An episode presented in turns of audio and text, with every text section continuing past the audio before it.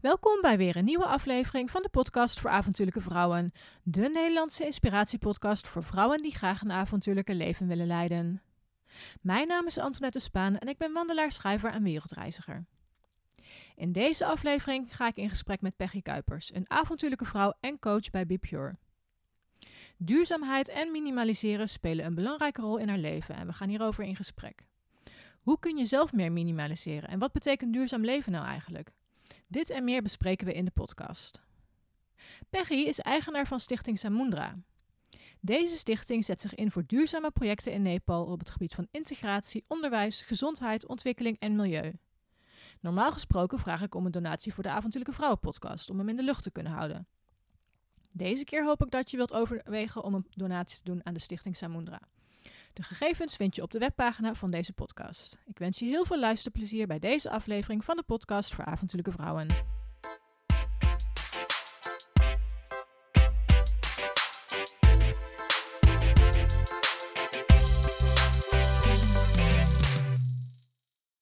Peggy, van harte welkom in Arnhem in de podcast voor avontuurlijke vrouwen. Ja, dankjewel. Superleuk dat ik uh, uitgenodigd ben door jou. Ja, fijn dat je helemaal vanuit het mooie Limburg hier naartoe bent gereden. Voor de dames die jou niet kennen, en dat zullen er waarschijnlijk wel wat zijn. Wie ben je en wat doe je? Ja, nou, mijn naam is uh, Peggy. Um, ik uh, ben iemand die heel erg van avontuur houdt, van reizen houdt, van de natuur houdt. ik ben echt een buitenmens. en in mijn werkzame leven, ik ben net dit jaar begonnen als ondernemer. Ik heb mijn eigen bedrijfje opgericht, Be Pure Coaching en Training. En daarin begeleid ik ondernemers en bedrijven naar een gezonde leefstijl. zodat ze minder stress ervaren, beter kunnen slapen, gezonder eten. Dus eigenlijk om hun energie en uh, vitaliteit te verhogen en hun uh, weerbaarheid groter te maken. En daarnaast werk ik ook nog een aantal dagen voor een werkgever erbij. Dus, uh, ja. ja. nou ik vind het heel interessant om jou te spreken, want je hebt net als ik heel veel avontuurlijke reizen gemaakt. Daar gaan we het later nog even over hebben. Um, maar zowel vitaliteit als duurzaamheid zijn op dit moment natuurlijk uh, hot items, om, om het zo maar even te zeggen. Um, Mag ik over vitaliteit wat vragen stellen als eerste? Ja, Want het is, het is nu best wel een item. Mm -hmm. Hoe ben jij daar zo mee in aanraking gekomen? Nou, ik heb uh, uh, heel wat jaren in uh, de gezondheidszorg gewerkt, in een ziekenhuis. daar zag ik heel veel mensen voorbij komen met bepaalde klachten. En die behandelden wij, zoals bijvoorbeeld bloedvaten die dichtgeslipt waren. en dat zijn eigenlijk ja, welvaartsziekten waar je met een uh, gezonde leefstijl uh, heel veel aan kunt doen om die te voorkomen. En uh, zo kennen we er nog een aantal, zoals obesitas, mm -hmm. diabetes type 2. Um, ehm, ja, eigenlijk heel veel chronische ziekten die met een gezonde leefstijl te voorkomen zijn.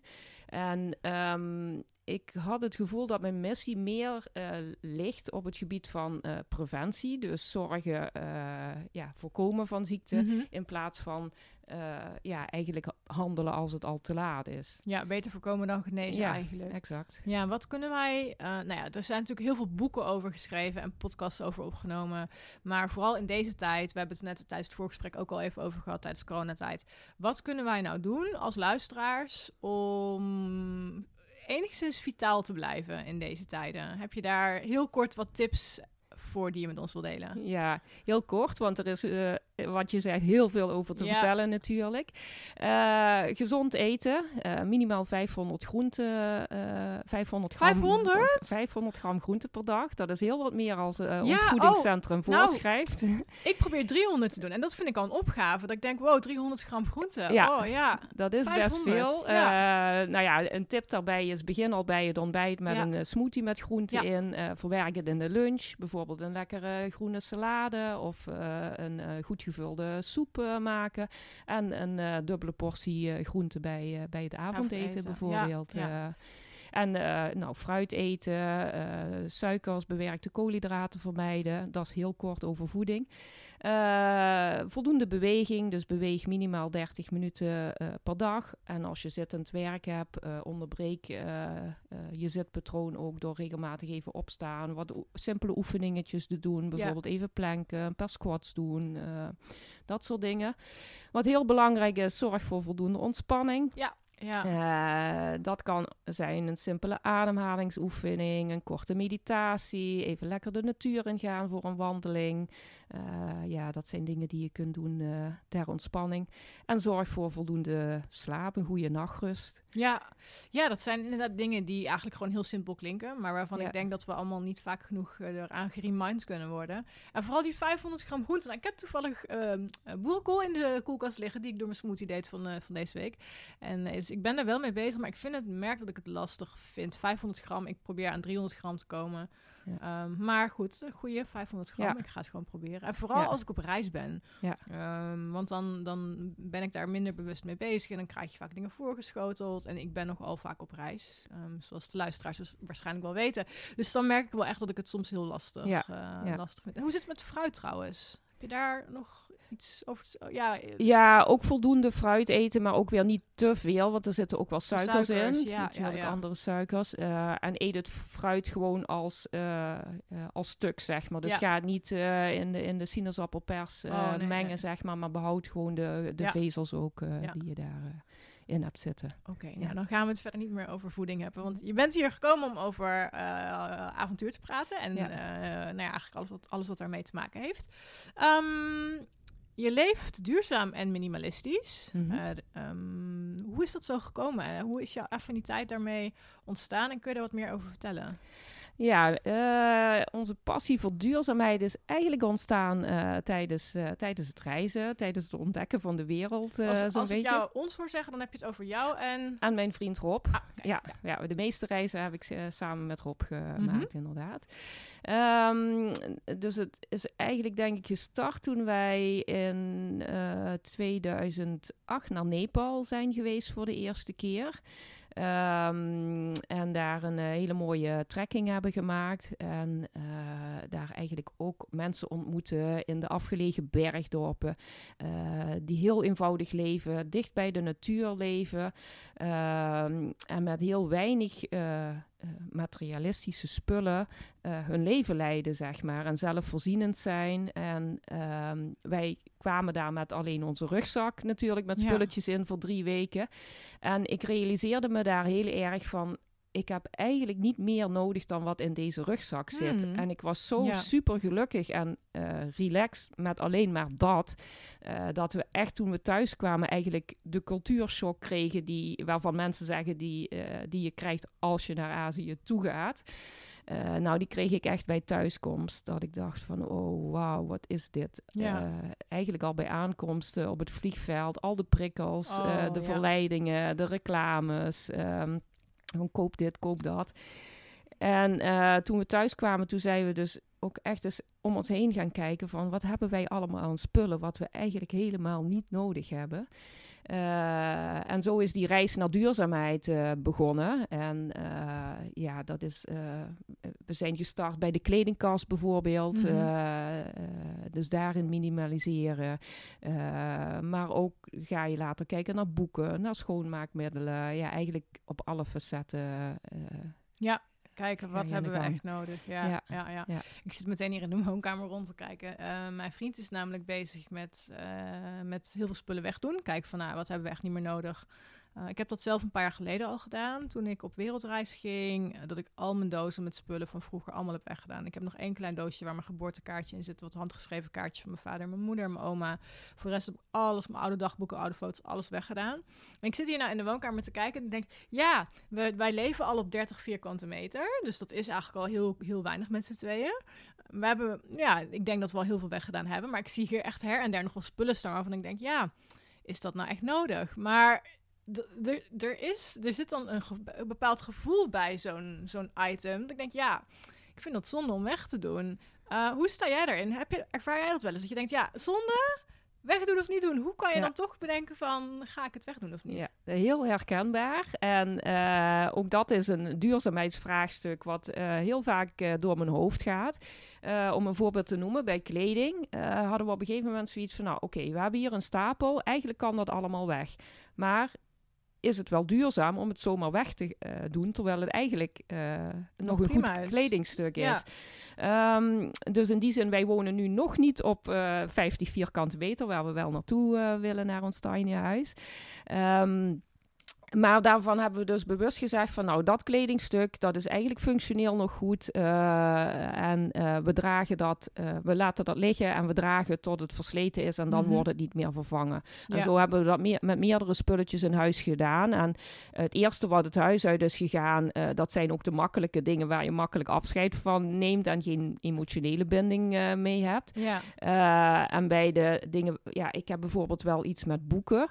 eh, en ook wel veel boeken het verleden cadeau gekregen van een vriendin of zo. Nou, daar heb ik me echt de vraag gesteld van, stel dat ik die vriendin nu ga uitleggen van, ehm, ik ben bezig met ontspullen, ik vind duurzaamheid belangrijk eh, en ik heb een boek van jou ooit gekregen.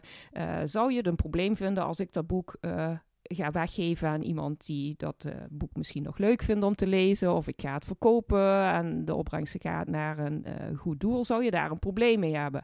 Nou, ik denk dat die vriendin zal zeggen van nou prima Peggy, je hebt plezier aan dat boek beleefd. Ja. De ja. herinnering zit in je hoofd. Mhm. Eh, en op die manier ja, kun je op een gegeven moment ook afstand doen van dingen waar je een emotionele Ja. binding mee hebt. Ja, klopt. Ja. En je hoeft ook niet alles weg te doen, nee, denk ik. hè. nee. Nee, ik zit ook even eh, te denken. Ik ga per 1 januari verhuizen. En ehm, dat wordt een iets groter huisje. En ik heb, net als jij, een, een fascinatie voor boeken. Ik heb in mijn vorige huis, toen ik nog in een rijtjeshuis woonde, echt één enorme kastenwand met boeken gehad. Nou ja, toen ging ik weg bij mijn ex. En ehm, toen heb ik, ik geloof, vijf, zes dozen meegenomen. Ben ik van vier kasten naar twee Billy-kasten gedaan. Om even in Billy-kasten van Ja. Te spreken. Totaal niet duurzaam, maar dat terzijde. En ehm, nu heb ik hier een heel klein boekenplankje naast mij. Met echt hetgeen wat ik de afgelopen twee jaar verzameld heb. Met name reisgidsen, wandelgidsen en, en dat soort eh, boeken. En ik heb nog vier dozen met boeken bij mijn broertje en de vriendin van mij staan. En die ga ik ophalen zodra ik naar mijn nieuwe huis ga. Maar er zitten echt boeken in waarvan ik denk, die ga ik nog een keertje lezen. Ja. Ehm, of ik ooit de stap kan maken om ze weg te doen. Er zitten bijvoorbeeld ook jeugdboeken van mij bij, zoals De Dolle Tweeling. En ik hoop dat ik die bijvoorbeeld ooit aan mijn nichtje kan geven. Ja. Dan denk ik, ja, dan kan ik wel in een opruimwoede zeggen, zeggen, ik doe al die boeken weg. Maar ik heb bijvoorbeeld heel erg genoten van de boeken die mijn moeder vroeger las. Toen ik oud genoeg was om te lezen. En ik hoop dat mijn nichtje bijvoorbeeld, die is nu eh 3,5. Ik hoop dat zij gewoon ook ooit geniet van de boeken die ik, die ik bewaard heb uit mijn, uit mijn jeugd. Ja. Ehm, dus ik, ik- ja, ik, het voelt voor mij een beetje dubbel. Maar wat je ook zegt, je hoeft niet alles weg te doen. En dat heb ik dus echt met boeken. Voor de rest kan het mij niet zo heel veel schelen qua spullen. Maar mijn boeken Ja. vind ik echt dat ik denk, ja, en dan heb ik eigenlijk al na twee derde van mijn boekencollectie al weggedaan. Ja, al precies. achtergelaten. Ja. Dus eh, Nou, en ik vind het ook heel erg mooi als je een eh, tweede bestemming aan je spullen kunt Ja, geven. dus ja, ze niet ja, ja. zomaar bij het eh, huisvuil zetten, Nee. maar bijvoorbeeld met kleding naar de kringloop brengen. En wij hebben ook wel kleding meegenomen naar andere reizen naar Nepal toe. mhm. Bijvoorbeeld ook sportkleding of functionele klimspullen die wij niet meer gebruikten, waarvan je weet dat, ik, dat je daar porters of gidsen maakt. in Nepal blij mee maakt. Eh, Ja. Knuffels van vroeger bijvoorbeeld, die heb ik meegenomen voor de kindjes eh, Ja, daar. En ja, als ik dan die blije gezichtjes zie, dan krijg ik daar ook weer eh, zoveel positieve energie van. En eh, ja, zo kijk ik wel met meerdere spullen. Ik ga niet mensen opschepen met spullen, zeg maar. Dus, Mhm. eh, want dat vind ik dan ook weer, hè, zijn die mensen daarop aan het wachten. Maar als je weet van iemand wordt eh, blij van een boek of een kledingstuk, dan ben ik wel heel erg voor, voor hergebruik. Ja, Ja. En een goede bestemming. Ja. ja. En als je naar een verjaardag gaat, geef je mensen dan er- een ervaring of een cadeau? Of doe je helemaal niet aan cadeaus? Zo min mogelijk. Ik heb vier hele leuke neefjes. Mijn broer die heeft vier kinderen. En eh, ja, die vinden het vooral in de, in de jonge jaren natuurlijk wel heel erg leuk om een cadeautje uit te pakken. Eh, dus die hebben wel cadeautjes gekregen, maar de volwassenen eigenlijk niet. Nee. En eh, ook de kinderen proberen we dan zoveel mogelijk ervaringen te geven. Ik heb bijvoorbeeld een keer een tentje in elkaar geknutseld en dat ingepakt, zeg maar. Mhm. Dus dat ze wel iets hadden om uit te pakken. En daaraan vast zat dan een weekendje kamperen. Nou, Oh, uiteindelijk heeft dat ja. erin uitgemond dat we dus ieder jaar eh, met hun een weekendje gingen kamperen. Oh, En eh, ja, eh, ik, ik ben ervan overtuigd dat zij later, als zij groter zijn, ook dat al echt gaan herinneren van de kampeerweekendjes met, met tante Peggy, Ja, zeg maar. Dus ja. Ja. ja, als je daarover nadenkt, zijn, her- zijn ervaringen ook belangrijker dan spullen. Volgens mij is het Ab Dijksterhuis die dat ook zegt. Je kunt beter ervaringen kopen voor je geld dan spullen. ja. En dat vind ik wel een hele goede. Denk, ja, als je terugdenkt aan over, over tien jaar geleden. Van ja, wat herinner ik me van tien jaar geleden? Die mooie reis die ik maakte. Of uh, die iets te dure auto. Ja. ik had geen dure auto, maar bijvoorbeeld. Ja, ja, dat is ook misschien een stukje persoonlijk interesse. Maar de ervaringen, eh, naar mijn beleving, blijven je ervaringen vaak wel langer bij dan, dan een item wat je gekocht hebt. Ja, en ik heb uh, bijvoorbeeld uh, toen ik in maart uh, wegging bij mijn toenmalige werkgever. Ik wist dat als mensen zeg maar een andere baan kregen of stopten, dat het wel de gewoonte was dat ze dan een cadeautje kregen van de afdeling, zeg maar. En toen dacht ik van ja, kan ik het nu maken om te zeggen dat ik eigenlijk liever geen spullen heb, want ik ben aan het ontspullen. Ja. Ehm, en toen dacht ik bij mezelf, ja, ik kan ook de oplossing aandragen wat ik dan wel prettig vind om te krijgen. Dus ik heb gezegd van nou, in het kader van de duurzaamheid. Ehm, heb ik liever geen cadeau.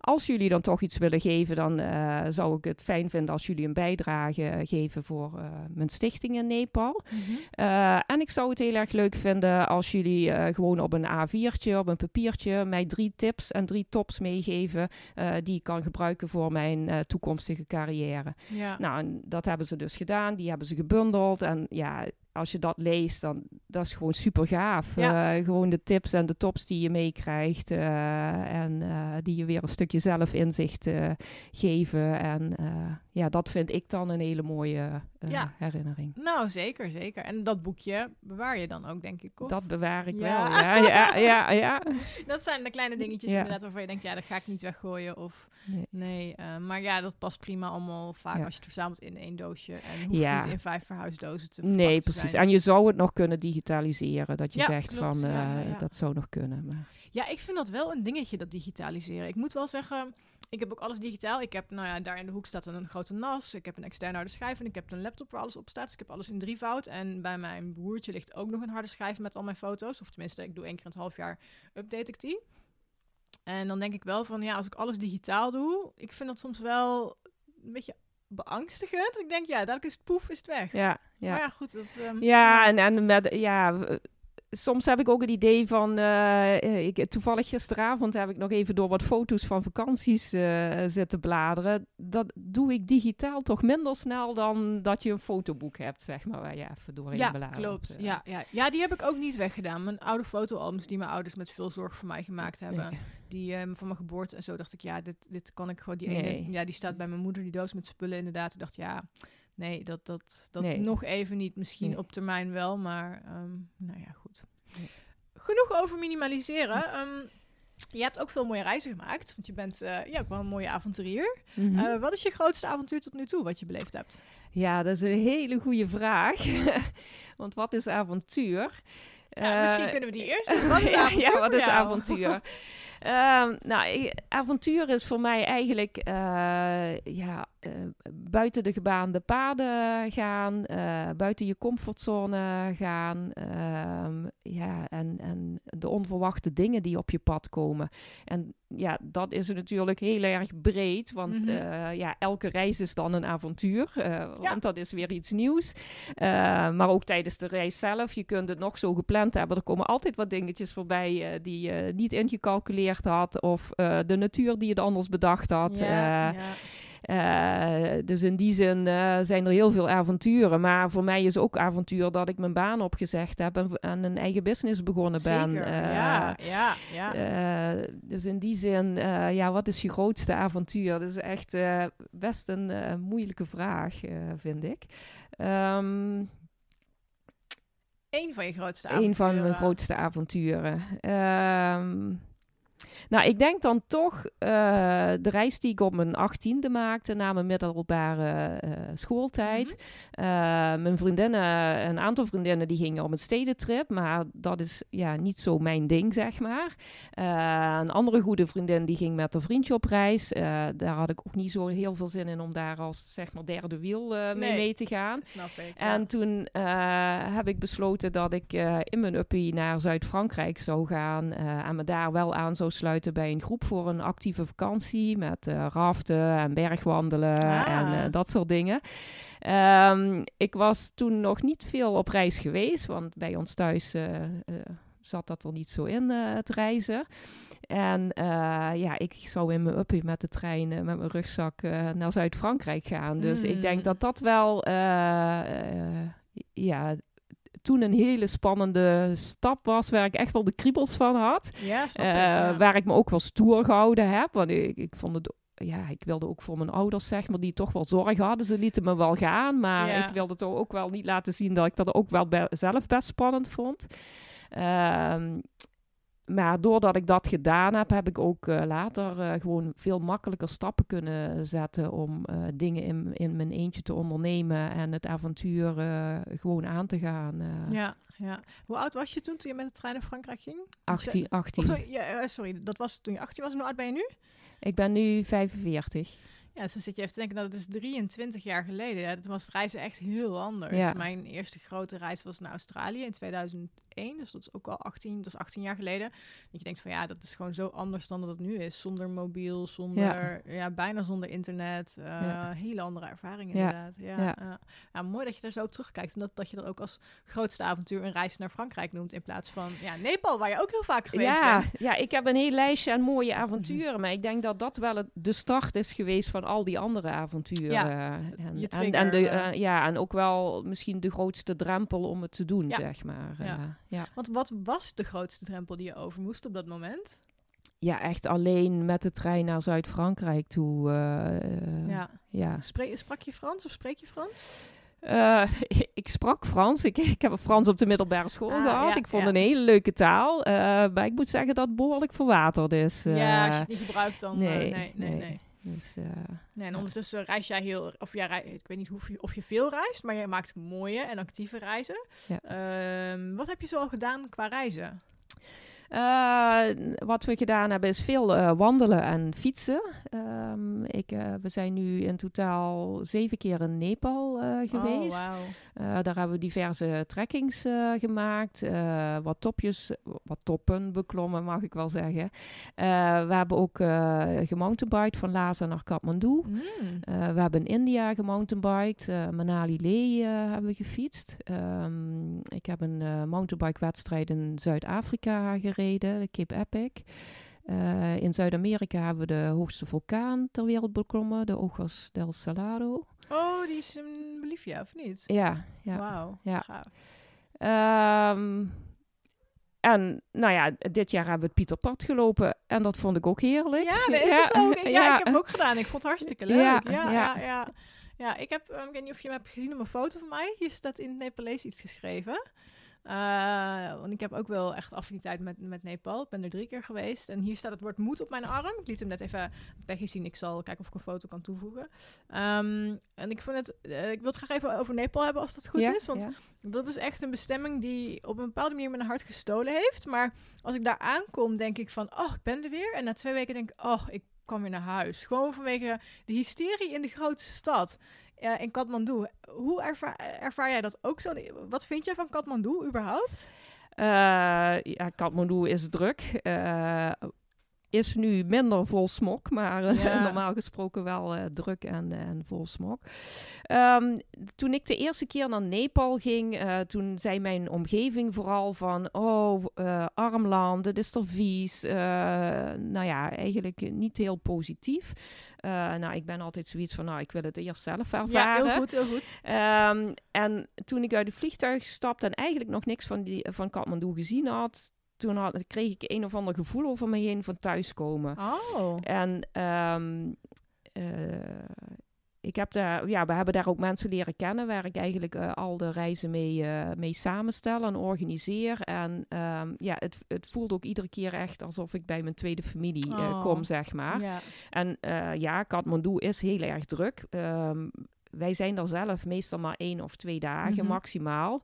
Eh, in die zin vind ik Pokhara veel eh, leuker Ja, en ja, eh, ja. gemütlicher, zoals wij zeggen. Ja.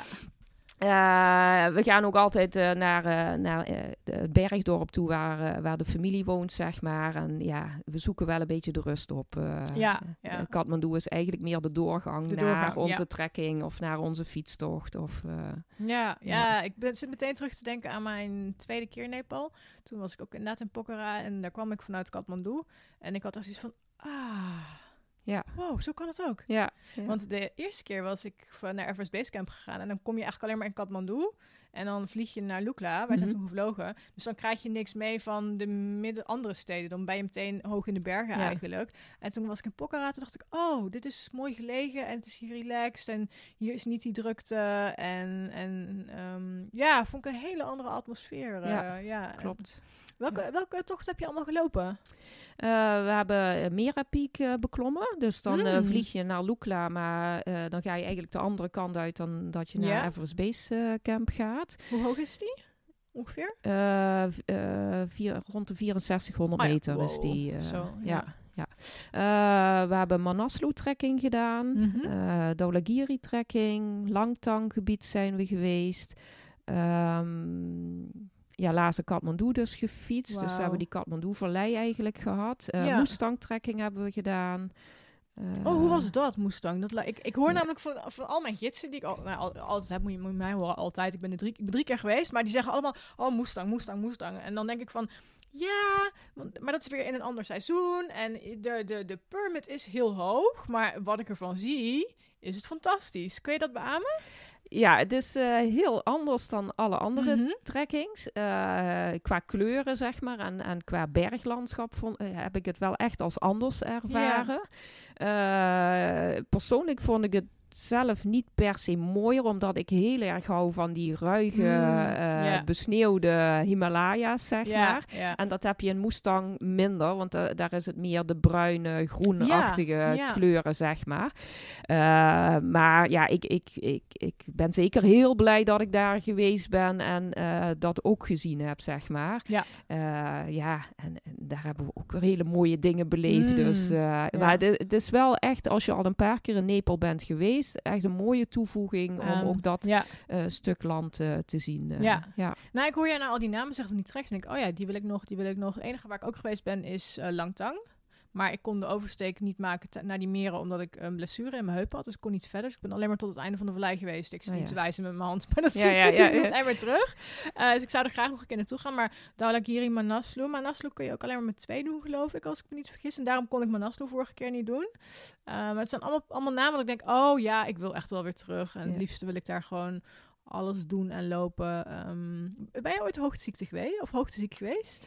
Eh, Heb je ooit hoogteziekte gehad? Nee, en- en niet echt hoogteziekte in de zin van dat ik echt moest gaan afdalen of iets Ah, dergelijks. Wel eh, ja, af en toe een beetje eh misselijk of een beetje hoofdpijn, ja, zeg maar. ja. Ehm, eigenlijk de enige keer dat ik echt ziek ben geweest is tijdens de reis naar de Kilimanjaro. Oh, Wij de- deden toen als acclimatisatieklim beklommen we Mount Meru. Mhm. Die is iets lager. Eh, En dat was mijn eerste keer ook echt op hoogte. Mijn eerste beklimming. En ja, die acclimatisatieklim, toen was ik zo misselijk Oh. en eh, duizelig en hoofdpijn. eh, dat ik dacht van, ja, hoe ga ik in hemelsnaam die Kilimanjaro ooit eh, opkomen? Ja. Maar goed, toen zijn we dus afgedaald en toen zijn we weer rustig eh, begonnen aan de Ja. klim naar de Kilimanjaro. En eh, dat ging goed. Ja, niet dat je je super voelt op 5800 Nee, meter nee, hoogte. rela- alles is relatief. Natuurlijk, maar ja, dat, dat ging goed. ja. Dus, oh, fijn. ja. En je hebt gemountainbiked in Zuid-Afrika, een wedstrijd zelfs. ja. Hoe kom je daarbij? Nou, ik heb eh 15 jaar een fietsenzaak gehad. Oh. Ehm, en eigenlijk vanuit de fietsenzaak organiseerden we al eh, eh, reizen met de racefiets binnen Europa naar Mhm. Italië en Frankrijk. Ja. Eh, maar dat deed mijn toenmalige vriend eigenlijk. Mhm. En ik had mijn hart sowieso meer bij het mountainbiken liggen. Dus ik dacht van, ik ga een mountainbike reis organiseren. En in Europa waren er al heel veel aanbieders voor mountainbike reizen. Dus ik denk, weet je wat, ik ga het gewoon groot aanpakken. en ik ga een mountainbike reis naar Lhasa Kathmandu organiseren. En ook omdat ik in de winkel wel mensen hoorde als ik die droom deelde dat ik dat wilde gaan doen. Die zeiden van, oh wauw, dat lijkt me echt zo mooi om dat een keer te doen. Dus ehm, ja, toen ben ik op zoek gegaan naar een partner eh, in eh, Nepal. eh, want met de permits en dergelijke kun je dat niet, Nee, kan je niet helemaal zelf, zelfstandig nee. doen vanuit Nederland.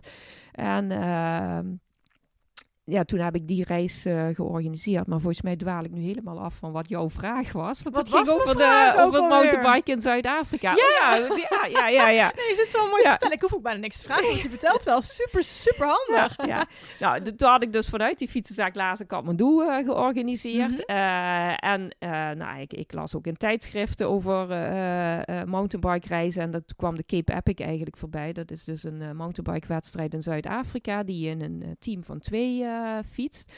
Um, ja, en, en wel echt een heroïsche wedstrijd, zeg maar. Waarvan ik zoiets had van, oh, dat is wel ook echt heel gaaf om te doen. Ja. En mijn collega, uh, die vond dat ook. En toen hebben we ons met z'n tweeën ingeschreven. Oh. En daar word je voor ingelood dan. Nou, dan hadden we het geluk dat we startbewijs kregen. En ja. uh, zo zijn we daar terecht gekomen, ja. Ja, ja. oh, wat gaaf. Wat mooie herinneringen. Uh, ik wil je nog iets over Nepal vragen. En ik ben hem gewoon kwijt te vragen. Oh ja, dit is wel enigszins belangrijk volgens mij. Want jij noemde net tussen, tussen neus en lippen door dat je een stichting hebt in Nepal. Ja, klopt. Daar mag je echt even wat aandacht aan besteden. Dus doe het tel. Ja, uh, nou, we, we, hebben dus uh, mensen daar leren kennen doordat ik uh, laatst Kathmandu, de fietsreis, de mountainbike reis, heb georganiseerd. En sinds die reis zijn we contact blijven houden. Zij zijn ons ook echt als tweede familie gaan beschouwen. en de eigenaar van dat reisbureautje heet Jagat. En Jagat is ondernemer in Nepal, heeft dus dat reisbureau en heeft daarnaast altijd gezegd van nou ik heb mijn business, maar ik wil ook iets terug do doen voor uh, uh, ja, de mensen in de, in de afgelegen bergdorpen. Mm -hmm. uh, ja, die het minder hebben qua gezondheidszorg, scholing en dat soort dingen. En uh, toen hebben wij op een gegeven moment uh, hun projecten financieel uh, ondersteund of met spullen ondersteund. Maar op een gegeven moment heb ik ook de vraag gesteld van, goh, waar heb jij nu echt behoefte aan als ik meer zou willen doen dan een keer een donatie ja. in de vorm van geld of in de vorm van spullen? en toen zei hij van, nou, het zou wel heel mooi zijn als jullie in Nederland een stichting kunnen oprichten. Uh, want uh, uh, dan kun je bijvoorbeeld bij een wilde ganzen bijvoorbeeld die budget hebben om geld te geven mm -hmm. aan stichtingen. Die doen dat niet rechtstreeks aan Nepal, maar die doen dat via oh. Nederlandse stichtingen. Ja. dus nou, toen dacht ik van dat moet niet zo moeilijk zijn. Dus dan gaan we een stichting oprichten. Stichting Samundra. En Samundra betekent zee in het Nepalees. Mm -hmm. en eigenlijk met het idee dat we in, vanuit ons landje op op, op of onder zeeniveau ja. eigenlijk uh, de mensen in uh, de landen met de hoogste toppen ter wereld uh, de brug willen bouwen en hun willen ondersteunen. En Stichting Samundra gaat ervan uit dat Nepalezen de projecten bedenken, zeg maar. Dus mm -hmm. zij geven aan waar ze behoefte aan hebben. Ja. En dan kijken we samen van uh, uh, hoe we dat kunnen ondersteunen, willen we dat ondersteunen. En uh, ja, dan gaan we vanuit Europa eigenlijk, want mm -hmm. het is niet alleen maar Nederland. we hebben een hele fanatieke ja, kracht in uh, Zwitserland zitten. Oh, fijn, Wij ja. hebben uh, Samundra België bestaat uh, oh, inmiddels. Wow. dus met een heel team van mensen ondersteunen we de mensen daar. Ja. Er is een ziekenhuisje gebouwd in, in dat bergdorp. Oh, zeg welk maar. bergdorpje is het? Maina Pukari. Waar ligt dat ongeveer? Um, uh, ik ben heel slecht in. Ik, ik, oh, nou, we zoeken hoe. Ja, ik ga het straks wel googlen. Ja, doe ik.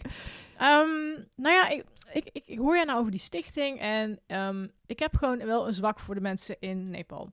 En dat komt eigenlijk omdat ik was daar vlak na de aardbeving van een paar jaar geleden. Mm -hmm. Toen deed ik de Everest Basecamp trek. En die gidsen vertelden mij toen dat ze familie kwijt waren, huis kwijt waren, alles gewoon kwijt waren. En maar ze liepen daar wel met ons, de bagage naar boven te slepen en dergelijke. En daarom adviseer ik ook altijd iedereen, ga met een lokale gids, neem een drager mee. Die mensen hebben het geld zo hard nodig.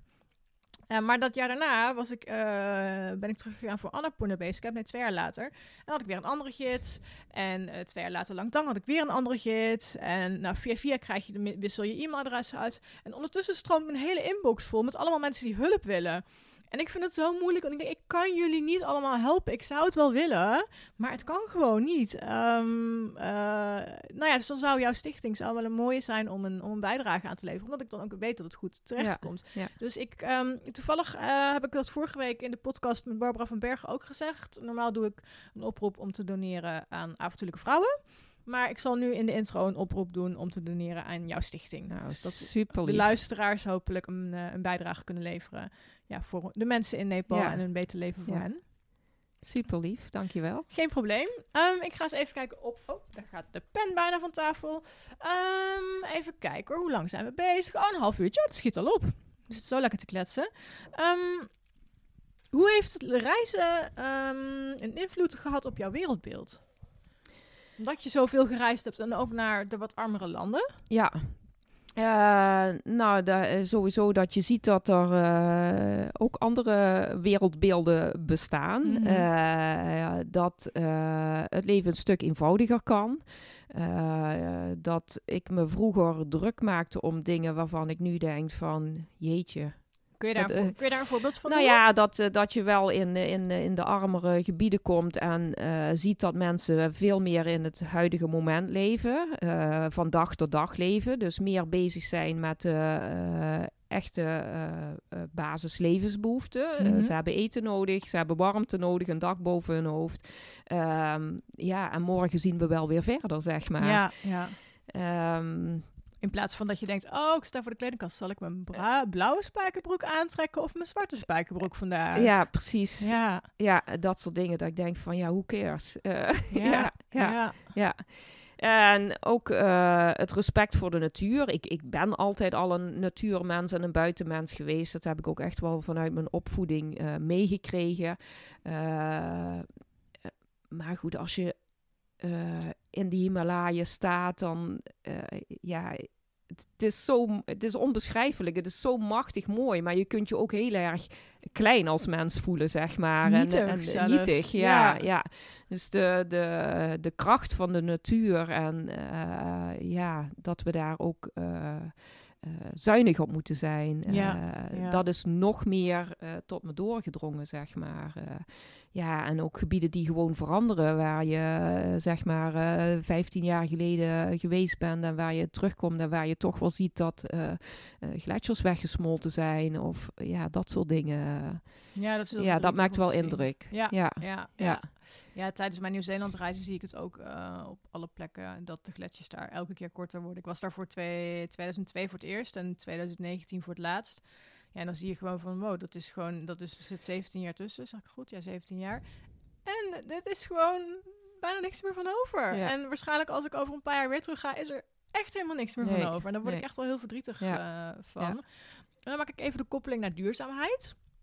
Want ja, duurzaamheid, eh, reizen en duurzaamheid staat best wel onder, ja, wordt eh, onder spanning, mag ik dat zo zeggen? Of in, in- veel in de aandacht. Mhm. Ehm, wat is jouw visie op eh, reizen en dan met name ook ver vliegen en duurzaamheid? Hoe sta jij daarin?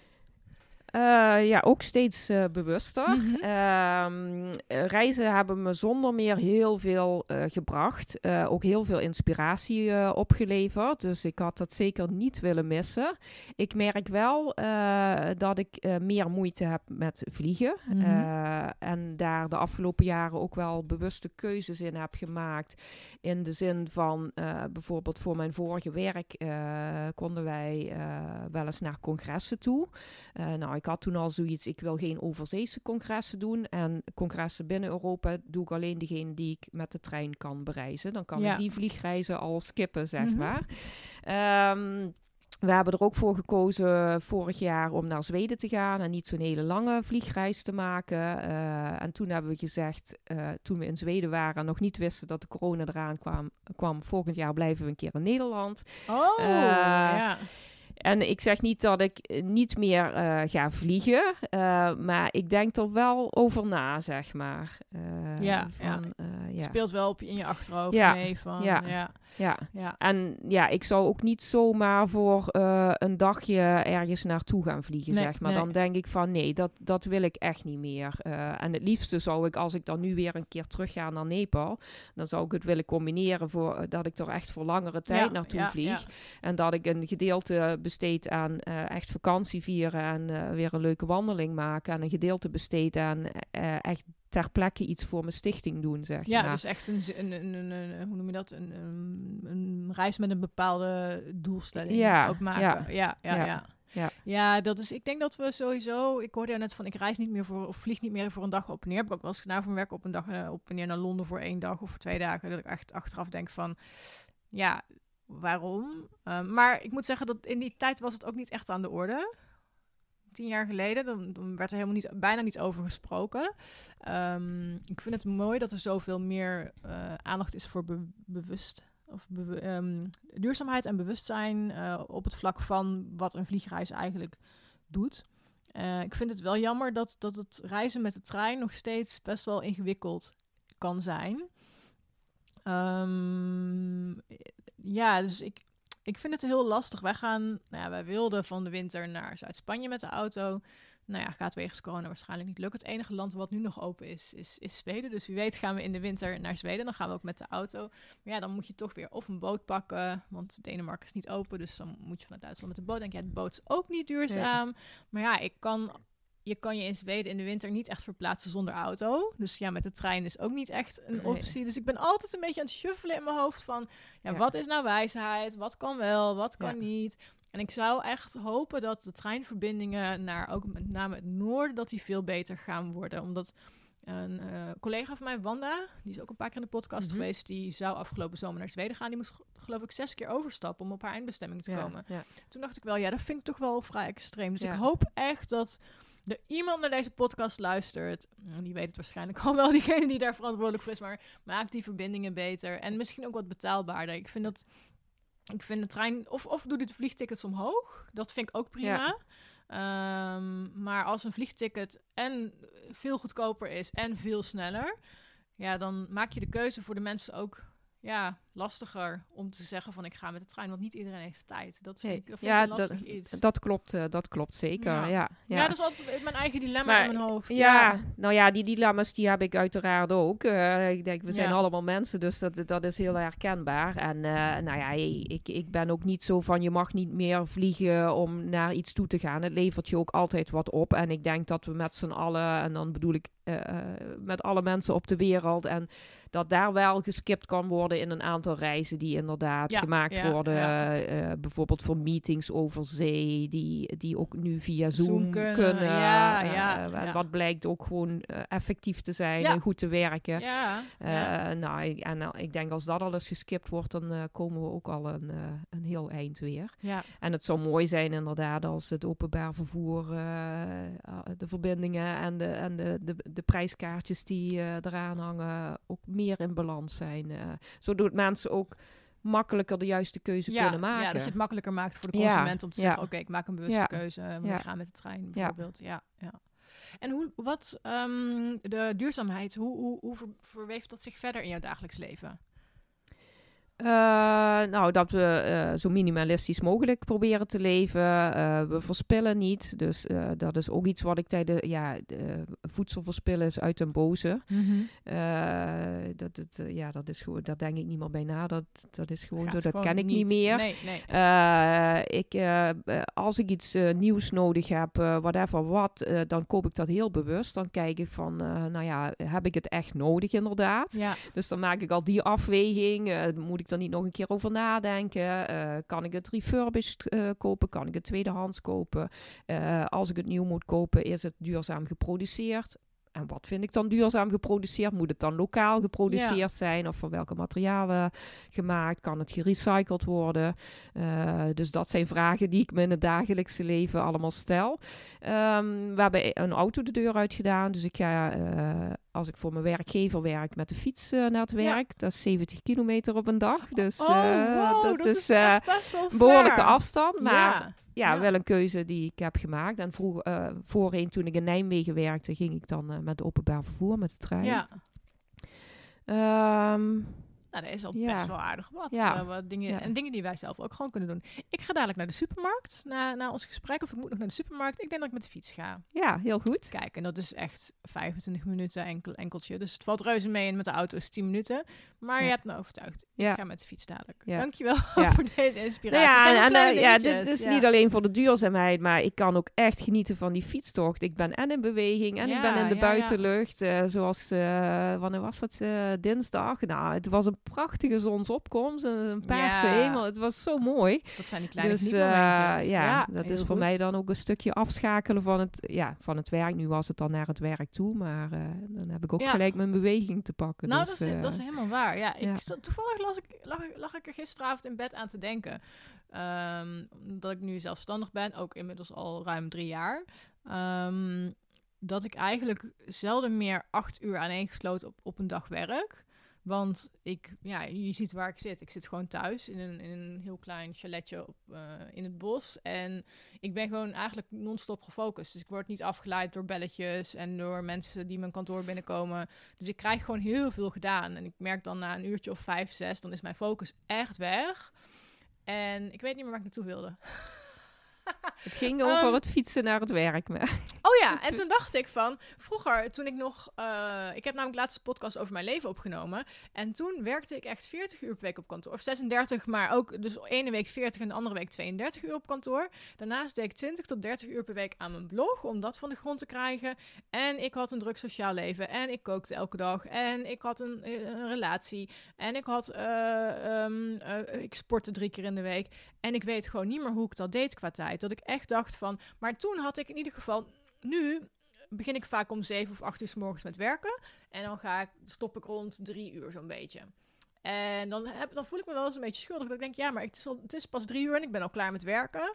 Ehm, en toen ging ik terugrekenen. dacht ik, ja, vroeger was ik van half, van acht tot zes uur was ik ongeveer weg van huis. Maar had ik wel anderhalf uur beweging gehad. Omdat ik van, eh, van en naar het werk ging met fiets. En in de pauze een half uurtje ging lopen. En nu moet ik die beweegmomentjes zelf opzoeken. Dat was gewoon een realisatie. Een heel lang verhaal naar Ja. een realisatie. Dat ik dacht van, ja, maar het is gewoon oké om gedurende de dag, zoals wij net gedaan hebben, even een wandeling Ja, te maken. ja. Of op, nou ja, op de fiets te stappen zometeen. En niet te denken van, oh ja, je, je, je hebt veel, te- veel te kort gewerkt. Maar dus, nou ja, dit, dit verhaal gaat echt nergens naartoe. nou ja, Ehm, het klopt wel wat je zegt. Dat je door, door even je werk te onderbreken. En de, Ja. ja. ja, je woont hier ideaal. Lekker in de bos, even de bos ingegaan. En daarna Ja. Kun je weer eh, effectiever je werk doen. Want Nou, je kunt veel beter je focus houden. Dus, eh, Dat, ja. En ik miste, ik, ja, ik miste eigenlijk dat ik dacht van, oh ja, maar vroeger bewoog ik eigenlijk, eigenlijk al anderhalf uur per dag zonder daar überhaupt over na Ja, te denken. ja. En als ik hier ervoor kies om niet weg te gaan, dan, en ik zit int- intens in mijn werk en iemand zegt tegen mij van, ja, je moet nu even pauze houden, dan kan het zomaar zijn dat ik een dag niet buiten kom en geen beweging krijg. Dat gebeurt trouwens zelden, maar dat sluipt er wel in. eh, Ja. Op dit moment. Nou ja, goed. Hm. Anyway, ehm, even kijken. Ehm, als jij op avontuur gaat, wat gaat er dan altijd mee in jouw rugzak? Ja, er zijn al heel veel dingen in je podcast genoemd die bij- ook in mijn rugzak eh, meegaan. Ehm, ik weet niet of deze al genoemd is, maar ik neem altijd mijn, eh, mijn multitool mee, mijn Leatherman. Oh ja, wat goed. Eh, dus ja, die heb ik al voor heel veel dingen gebruikt. Van broodjes snijden tot fiets repareren, Ja. tandstokken repareren. ja, alles. ja, alles. Ja. Nou, een hele goede aanvulling op alles wat al genoemd is. Dames, als je niet naar de podcast eerder geluisterd hebt. In elke podcast geeft een dame een tip over wat je absoluut niet, mag ontbreken in, in jouw rugzak. En er zijn best wel leuke dingen genoemd, moet ik eh, zeggen. En ehm, is er nog een avontuur wat je ooit hoopt mee te maken? Waar je, je droomavontuur, laat maar zeggen. Ja, ja. ik hoop dat er nog heel veel avonturen op mijn eh, pad komen. ehm, waar ik van kan genieten. Maar eh, wat ik heel eh, erg gaaf zou vinden, is om per fiets en te voet een hele lange reis te maken. En daarin zit verweven een doortocht door Nepal van oost naar Mm. west of van west naar oost, maakt niet uit. Ik, eh, de Pamir Highway wil ik nog heel graag een Oh, keer eh, ja. fietsen. Ja. Eh, maar dan wil ik ook wel echt daar heel erg de tijd voor uittrekken. En eigenlijk het liefste vanuit Nederland al met de fiets Mm, ja. Op, op een soort van wereldreis gaan, zeg maar.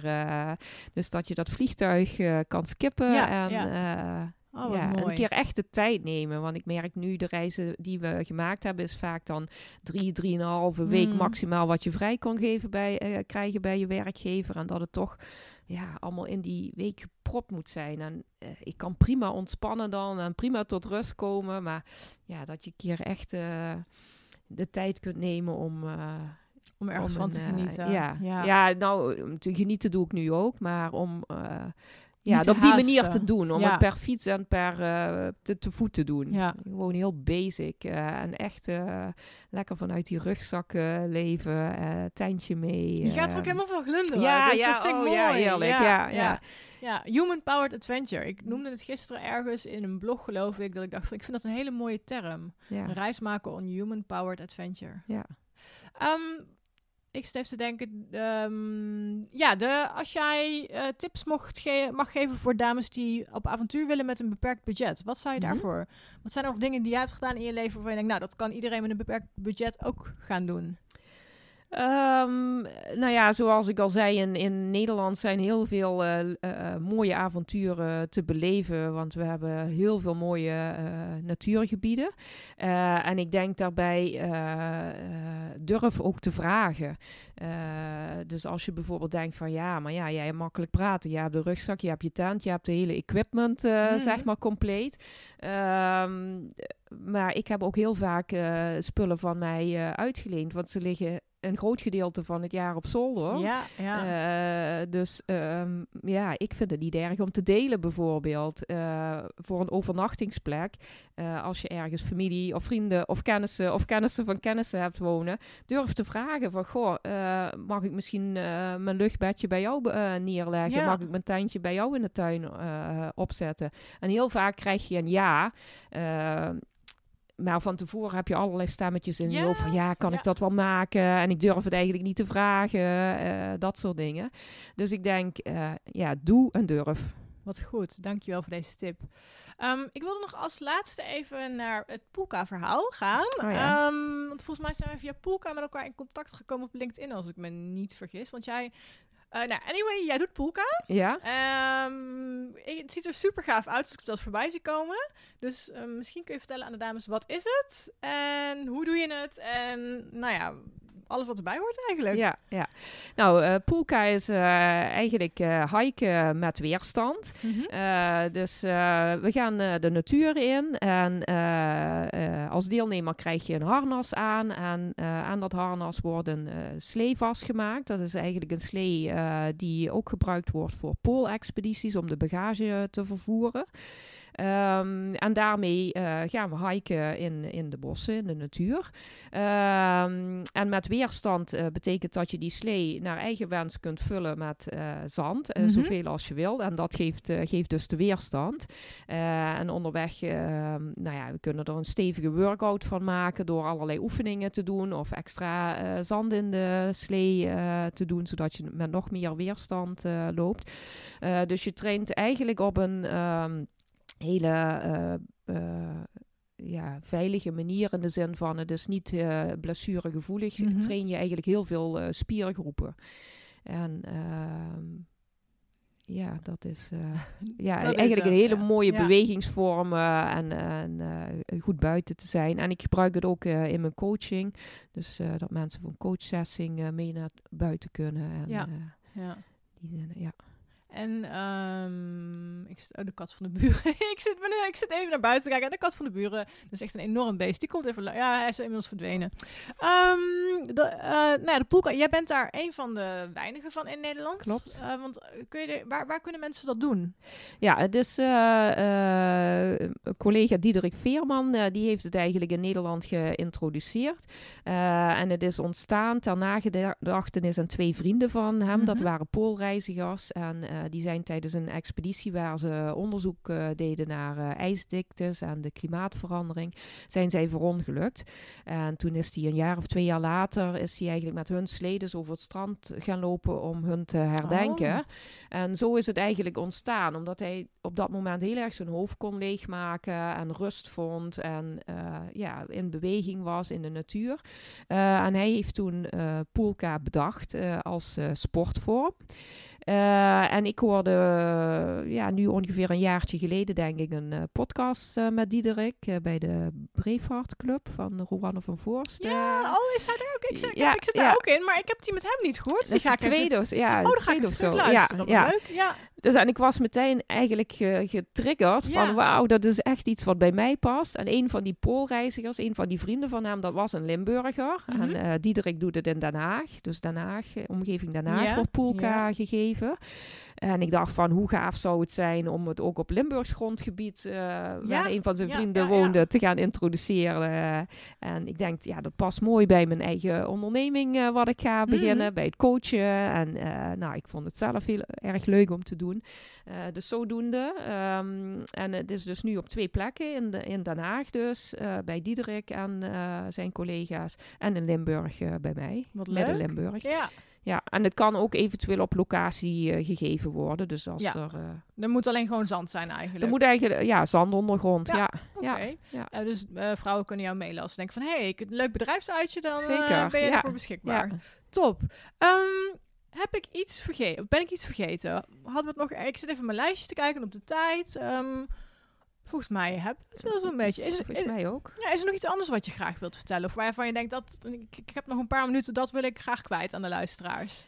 Ehm, nou ja, voor vrouwen die twijfelen of ze een reis wel of niet moeten gaan maken, gewoon doen. Ja, Ja. helemaal mee eens. Ja. Oké. Nou, dan eh, wil ik jou bij deze van harte bedanken voor je komst helemaal naar Arnhem vanuit het mooie Limburg. Heel graag gedaan. En ehm, ja, oh, stom, stom vergeten. Waar kunnen mensen jou vinden? Oh ja, ja. De standaard vraag aan het einde. Ja, Eh, nou, ik heb een eh, website, eh www.bepure.nl. Dat schrijf je b-p-u-r-e.nl. Mhm. Eh, en ik eh, zit op eh, Facebook en LinkedIn. Oké, nou ik Dus, zal de eh, profielen sowieso toevoegen en dan kunnen mensen jou daar Ja, gaan volgen. Super. Nou, nogmaals dankjewel voor je komst naar Arnhem en heel veel succes en plezier toegewenst in de toekomst met al je mooie projecten. Ja, dat gaat zeker lukken. En voor jou ook heel veel succes en plezier in je reizen natuurlijk. Ja, Eh, gaat lukken. Dankjewel. super. Hopelijk heb je genoten van deze podcast en hebben we je geïnspireerd om een avontuurlijke leven te leiden. Luister je deze podcast op iTunes, dan zou ik het tof vinden als je me 5 sterren waardering wilt geven. Wil je meer weten over mij of een van de gasten? Kijk dan op avontuurlijkevrouwen.nl en volg het Avontuurlijke Vrouwen account op Instagram. Ook is er de besloten Facebook community voor avontuurlijke vrouwen waar je kunt connecten met like-minded dames. Lid worden kan eenvoudig door een lidmaatschapsverzoek in te dienen. Voor nu bedankt voor het luisteren en graag weer tot de volgende keer.